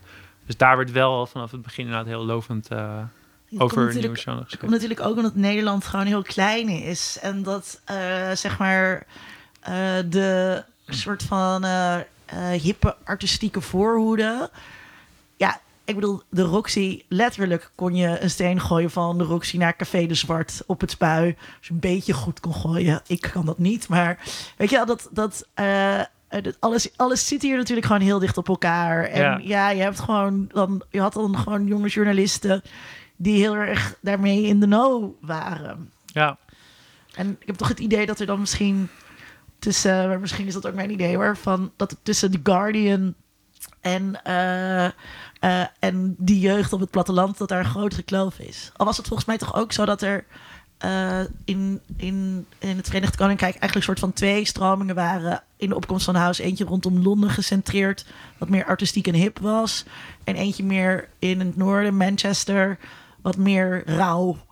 En Ja, in ieder geval waren er wel inderdaad, je had dus wat, de wat meer artistieke, intellectuele, melodieuze stijlen. En daarna kreeg je naar het hardcore en dat was wel heel duidelijk eh, working class. Ja. Dat Die, ik weet niet precies hoe dat geografisch ook eh, zat, maar eh, het was wel heel duidelijk dus dat het inderdaad, dat je, toen kreeg je dus met hardcore kreeg je ook die splitsing van een soort van de artistieke elite naar de working class. ja, Die, kwam, in, het, die kwam daarmee. In Nederland natuurlijk eh, de strijd tussen Amsterdam en Rotterdam. En Ja. eh, Ja. die- waar, je- waar voor de mensen die dat leuk vinden, ehm, er is een hele leuke driedelige documentaire 30 jaar dance. eh, door de NPO gemaakt. Ja. Waarin dit ook allemaal eh, uitgelegd wordt. Vooral die eerste aflevering is echt, echt heel leuk om, eh, om te zien hoe dat ging. En vooral ook dat de mensen die ehm, die plaatjes maakten, mensen waren die zelf heel graag eh, dansten. En dus zij wilden in Rotterdam, waren gewoon een aantal jongens en die wilden gewoon harder. Nog harder. Kan het nog harder? En daarom gingen zij plaatjes maken nog harder gingen. En dat, daar dansten ze zelf en dat draaiden ze. En zo ontwikkelde eh, cool. dat. Ja, dat Ja. is zeiden. Hoe, hoe kijk je naar sociale klassen in je onderzoek? In, in de verklaringen?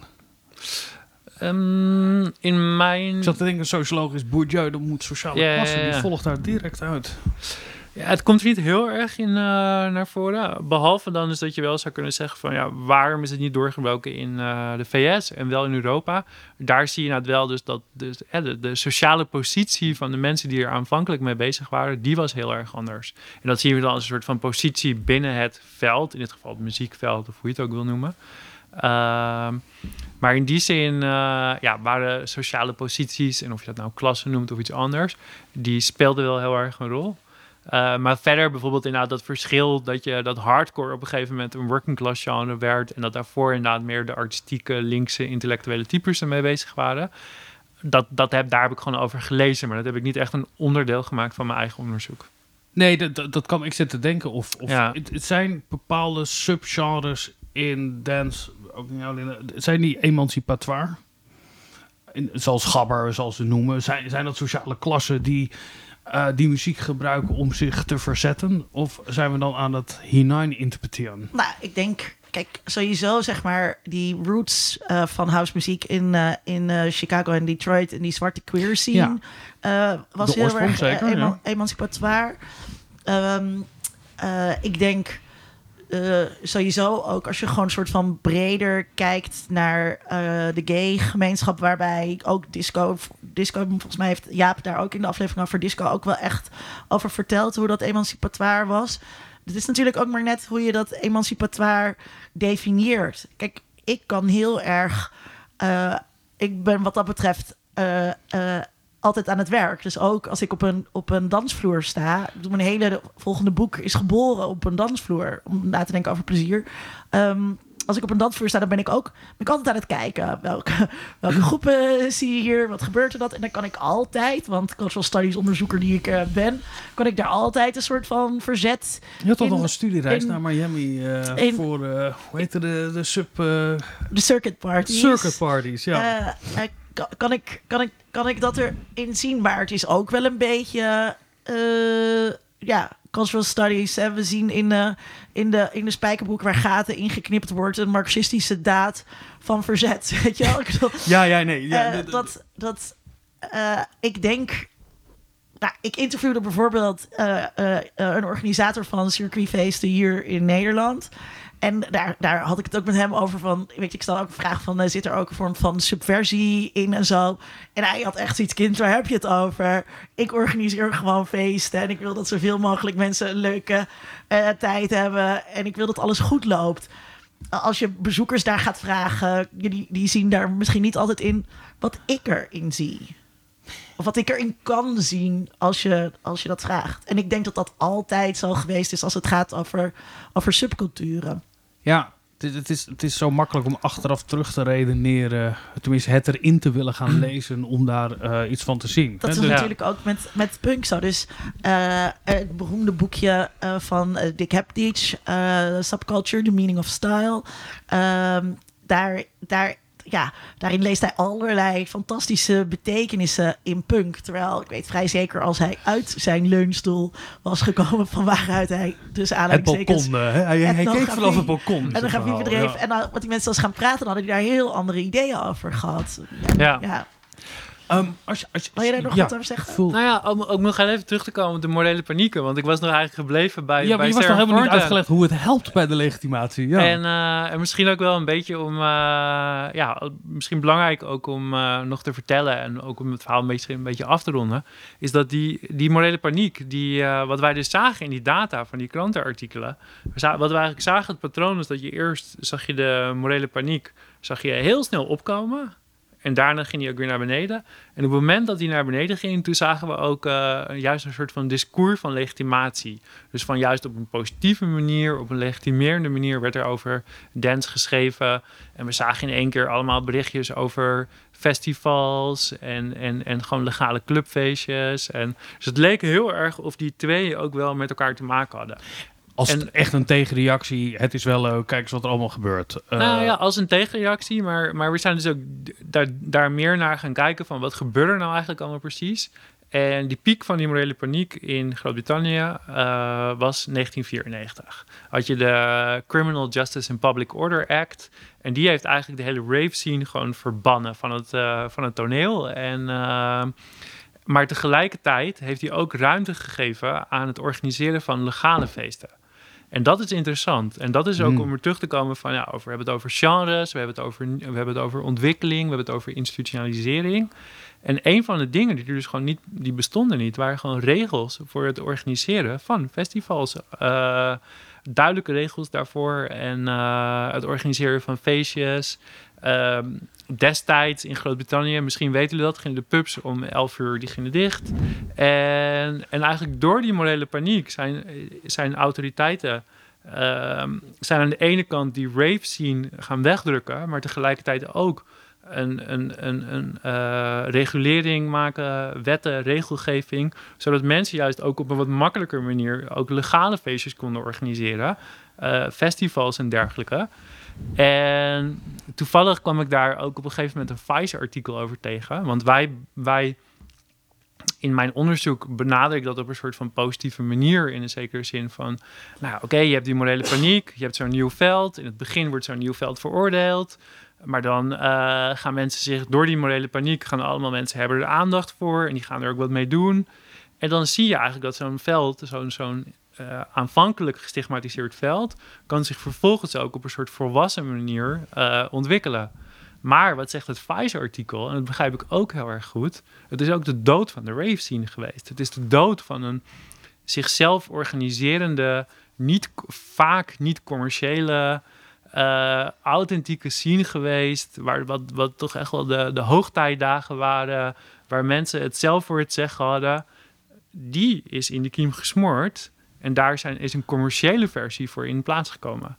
En dat is dus ook, dus, dus dat, is ook een effect geweest Maar van die is- morele paniek. Maar dat is natuurlijk ook klassieke eh, eh, soort van eh, politicologische ideeën. Maar ook volgens mij uh, noemt Heptich dit ook letterlijk in zijn, in zijn boekje. Dus bij de kraakbeweging uh, in, uh, in Nederland deed de politiek twee dingen. Aan de ene kant is het onderdrukken en aan de andere kant is het een soort van faciliteren, incorporeren. Door met de krakers aan, om tafel te gaan zitten, ja. haalde je de angel eruit. En vervolgens was het natuurlijk voor die krakers heel moeilijk om weer terug te gaan naar hun achterban en te zeggen: ja, wij zijn, wij zijn radicaal anarchistisch. Ja, die hebben net met de, met, de, met, met, de, met de popo en de politiek aan tafel gezeten. En uh, Heptich heeft het daar ook over, over repressie uh, en incorporatie. En dat ja. incorporatie een manier is om de angel uh, uit dat subversieve van subculturen te halen. Ja, nou, en wij zijn dus in, in, in, uh, in dat, dat een van de laatste uh, empirische hoofdstukken, zijn we daar heel erg naar gaan kijken. En eigenlijk zien we dat ook bijna als een soort van uh, model van innovatie in het algemeen. En dat is niet gezegd dat alle innovaties op deze manier verlopen. Maar er zijn, wel, er zijn dus wel gewoon, je kan allerlei verschillende soorten innovaties aanwijzen. Die aanvankelijk inderdaad op juist een soort van met juist met veel contrast beginnen. Met, met, uh, ja, die zijn subversief, ja. die, die, die, die creëren ophef en oproer. En dan uiteindelijk worden ze inderdaad volgens die patronen die uh, Linda net ook uh, schetst, worden ze inderdaad geïncorporeerd. En dat je dus eigenlijk een soort van een algemeen, een meer algemeen model van innovatie kan beschouwen. Ik was, die, was die morele paniek in de... vertellen? Ja. Ik was vorige week Um, bij de opening van um, Wie danst is vrij. Uh, hier in Amsterdam in het Stadsarchief. Tentoonstelling over hmm. uh, house in, uh, in Amsterdam. Eigenlijk niet in Nederland, gewoon in Amsterdam. En um, die tentoonstelling werd geopend door de wethouder. Eigenlijk zou de burgemeester komen, maar die hield zich volgens mij vanwege de oorlog even, even op de achtergrond. En die, wethouder die, die vertelde dus ja, in de jaren negentig ging ik naar uh, de uh, Westergas en ging ik naar die feesten. En het doet me heel erg deugd om nu hier te staan en dit te openen. En dacht ik, ja, dat, dat is natuurlijk hoe het gaat, zeg maar. Die, die, die, ik was ook toen jong. En ja, dus dat is logisch dat die mensen politieke posities krijgen. Maar ook dat zo'n tentoonstelling nu dus geopend wordt door, nou, wat eigenlijk dus de burgemeester had moeten doen. Of nou, hele fucking uh, ADE. Wat helemaal door de gemeente helemaal omarmd wordt. En uh, heel erg gezien wordt. Ook onze dance wordt gezien als exportproduct. Dat we allemaal heel serieus uh, moeten, ne moeten nemen. Dat maakt het ook fundamenteel ongelooflijk oncool. Dat is echt...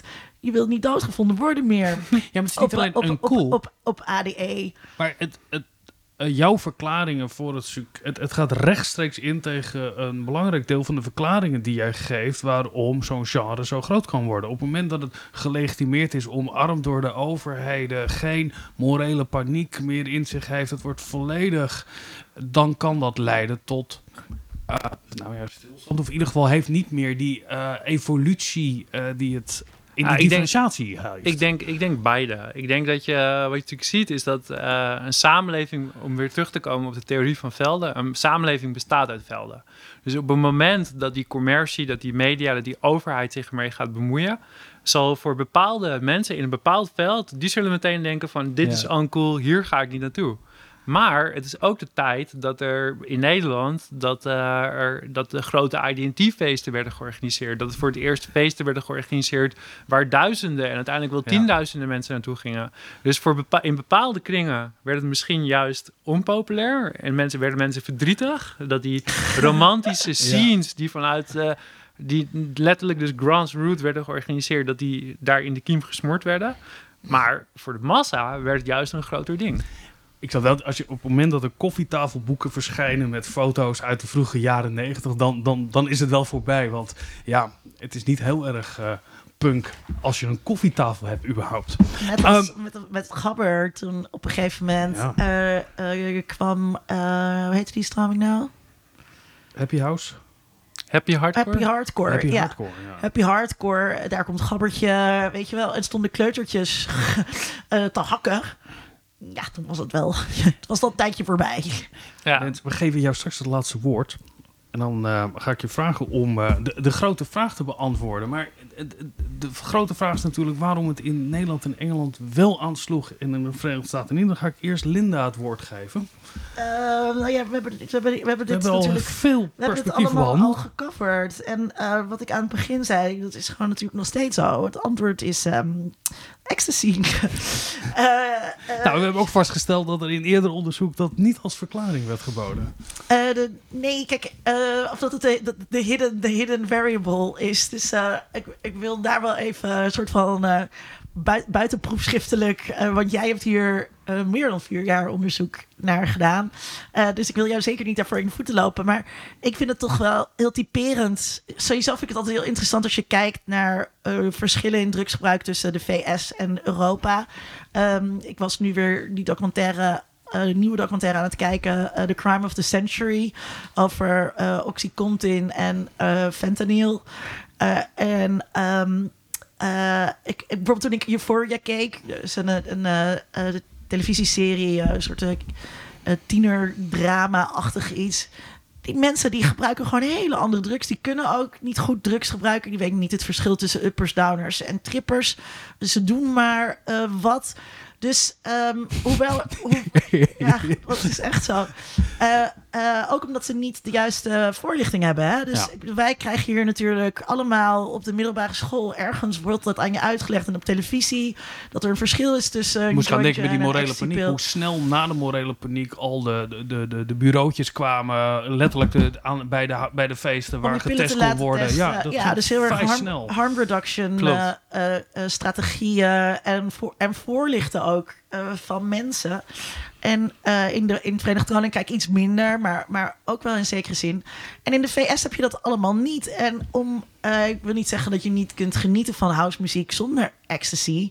Maar het helpt toch wel echt, wat jij al zei, Vincent. Het helpt echt een, echt een heleboel. Dus ik denk dat uh, ja, ook die massale omarming op een gegeven moment die je zag van, van ecstasy in Nederland massaal hoe dat toch wel redelijk snel onder vooral het uitgaans, uitgaanspubliek geaccepteerd werd om, uh, om af en toe eens een pilletje te nemen. Daar heel erg aan bijgedragen uh, heeft. En ook dat was in de VS dus anders, want zij zaten met al die andere gekke drugs. Ja. Ja, ik denk wel dat. Uh, kijk, in de VS is onder andere vanuit San Francisco volgens mij ook. Daar had je dus ook. Uh, uh, gay dancebewegingen. En, uh, en daar speelde drugs ook een hele belangrijke rol in. Ja, en vanuit daar. Dus de verkeerde drugs. Dus bijvoorbeeld, dus in, in de VS is acid, dus LSD, ja. is heel groot. En uh, LSD, mensen, lieve mensen, LSD is geen uitgaansdruk. En dat moet je lekker in de natuur gaan doen en dan zien wat voor kleuren er allemaal verschijnen. Maar het is helemaal niet de bedoeling dat je dat in een club neemt. Dat past helemaal niet. En, maar dat is wel wat die Amerikanen willen. Die gaan dan acid droppen. Ja, ook dan heb je op een, op een housefeest al snel niet, niet, niet de tijd die je zou kunnen hebben als je ecstasy had genomen. Ja, nou ja, het, het, zou heel goed. Ja, ik weet niet precies wat de drugsconsumptie was onder uh, de reef, uh, reefgangers in, in de VS. Maar, ja, ja. ja. Rens, als jij een, eh, een, een, Nou, laat ik de vraag iets specifieker stellen. Als, als ik jouw verschillende hoofdstukken bekijk, dat zijn artikelen geweest, mhm. dan zie je soms een relatie tussen verschillende uh, variabelen. Daarmee bedoel ik, morele paniek leidt volgens mij ook, of maar, blokkeert de weg tot legitimatie, waardoor er differentiatie kan ontstaan. Zie jij die verbanden tussen jouw verschillende de deelonderzoeken? Of praat ik echt gewoon onzin? Nou ja, je zou, je zou kunnen zeggen dat de morele paniek heeft bijgedragen aan de populariteit van ja. dance. En doordat het populair kon worden, is er, is er ook heel veel van die interne differentiatie heeft er plaatsgevonden.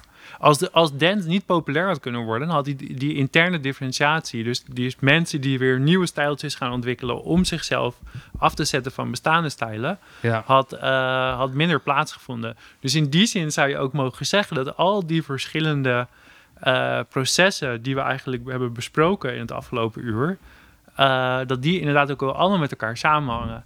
En dan kom ik weer terug bij mijn geliefde concept, webs of fields. Want eigenlijk het idee van een web of fields is inderdaad ook dat al die velden en al die dynamieke binnenvelden en tussenvelden dus eigenlijk elkaar beïnvloeden. En dat je daardoor kan uh, begrijpen waarom er ofwel verandering is, of juist niet. En waarom iets hetzelfde blijft. Mag ik uh, nog iets vragen? Want we hebben nu steeds het over een soort van hier, Europa, Nederland en de UK op één hoop. Maar het zijn twee heel verschillende landen. Met ook eigenlijk een heel andere opportunity structure. Kijk je ook naar de verschillen tussen, tussen de UK en Nederland? Zeker, nee, dat is, daar zitten heel veel, er zitten best wel, best wel belangrijke verschillen tussen, uh, tussen de UK en Nederland. En uh, um, ja, daar valt genoeg, bijvoorbeeld die, die, zeg maar, die hele actieve punkbeweging in, uh, in, in, in Groot-Brittannië die dus ook een soort van independent uh, distributienetwerken hadden, die heel erg belangrijk ook waren voor de doorbraak van house. Dus die bestaande distributienetwerken, die zijn ook weer gebruikt om onder andere dus dance, te, dus de eerste houseplaten en dergelijke te Malcolm Gladwell, uh, toch? Die, die, die, de, de, ja. is mij, ja. mij te binnen. De, ja, ja, precies. En, uh, en ook dus gewoon voormalige punklabels die op een gegeven moment de eerste house tracks gingen uitgeven. Ehm, punk en postpunk punk bestonden ook in Nederland, maar niet op die schaal. Dus er, nou, dat is om één, gewoon één verschil. Wat dan wel heel bijzonder is, is dat als je naar uh, de populariteit van dance, dus al die verschillende stijlen of genres, inclusief house en techno en alles wat eruit naar voor, uitkwam. Als je naar de populariteit kijkt van dance in zowel Groot-Brittannië als Nederland, dan zie je dat die tijdseriegrafiek dat die heel erg uh, parallel uh, loopt. Dus er moet wel een soort van. Er zit tegelijkertijd ook weer, hoewel die opportunity structure misschien qua de punks en qua andere elementen ook anders was, uh, denk ik dat ook misschien, als ik hem nu een beetje mag filosoferen, want het is niet iets wat ik in mijn PhD heb besproken, maar ik denk ook dat, het ook dat je het ook wel meer als één veld zou mogen zien. Of in ieder geval, het waren aparte velden die naar elkaar kijken. Ja. En onder andere ook die eerste hits, die kwamen dus, eh, de eerste hits in Nederland, onder andere van Mars en, uh, en dergelijke, die kwamen dus ook uit Groot-Brittannië. En uh, dus, was ook heel, dus Nederland was weer heel erg aan het kijken naar wat gebeurde in de UK. En er waren ook Britten betrokken uh, in de begindagen van, van House in Nederland. En de ecstasy uh, die uh, in Engeland gebruikt werd, kwam uit Nederland. Ja, ook Niet dat. te onderschatten. ja. Dames en heren. Hè? Dat is ook een hele mooie... Uh, ik de cultuur wordt voorgedreven door de industrie in Brabant. Dit was aflevering 108. Nee, we gaan afsluiten. Uh, uh, ik zal in de show notes ook linken naar een hele mooie BBC. Nee, ik weet niet of het BBC is, maar een hele mooie podcastreeks, Britse podcastreeks oh. over uh, house en drugs. Dus Oké. Okay. Ehm, alles wat u wilde weten over house en drugs vindt u in de show notes. dit was aflevering 180 van de podcast onder Mediadoktoren. Rens, ontzettend bedankt. En voor je uh, voor je onderzoek, een rijk onderzoek vond ik het, uh, wat je hebt gedaan. Dus uh, complimenten daarvoor. de redactie, dat zijn wij, Linda en Vincent. kijk op ondermededoktoren.nl voor ons archief en vind daarin aflevering 14. Dat is echt een hele lange tijd geleden. Spraken wij met Koos Zwaan over de relatie tussen maatschappelijke veranderingen en muzieksmaak. Uh, aflevering 43, genres en drugs. Met criminoloog Tom Nabben. ik zeg wel eens drugs, maar ik zeg nu heel duidelijk drugs. En uh, uh, al vaker aan gerefereerd. Aflevering 73, disco met Jaap Kooijman. Wil je ons steunen? Word dan Patreon of uh, vriend van de show. Of uh, er zijn tal van manieren om ons te ondersteunen. Bijvoorbeeld ook gewoon over te vertellen van... Goh, ik heb laatst iets heel erg leuks uh, geluisterd over de opkomst van dance in Nederland. Um, wij danken Matthijs van Listonk. Jij kan ons ook steunen. Um, doe dat vooral. Mijn dank aan Linda. Dank aan jou Rens. En tot de volgende keer. Tot dan. Onder Mediadoktoren is een podcast van Vincent Kronen en Linda Duits. Meer informatie vindt u op ondermediadoktoren.nl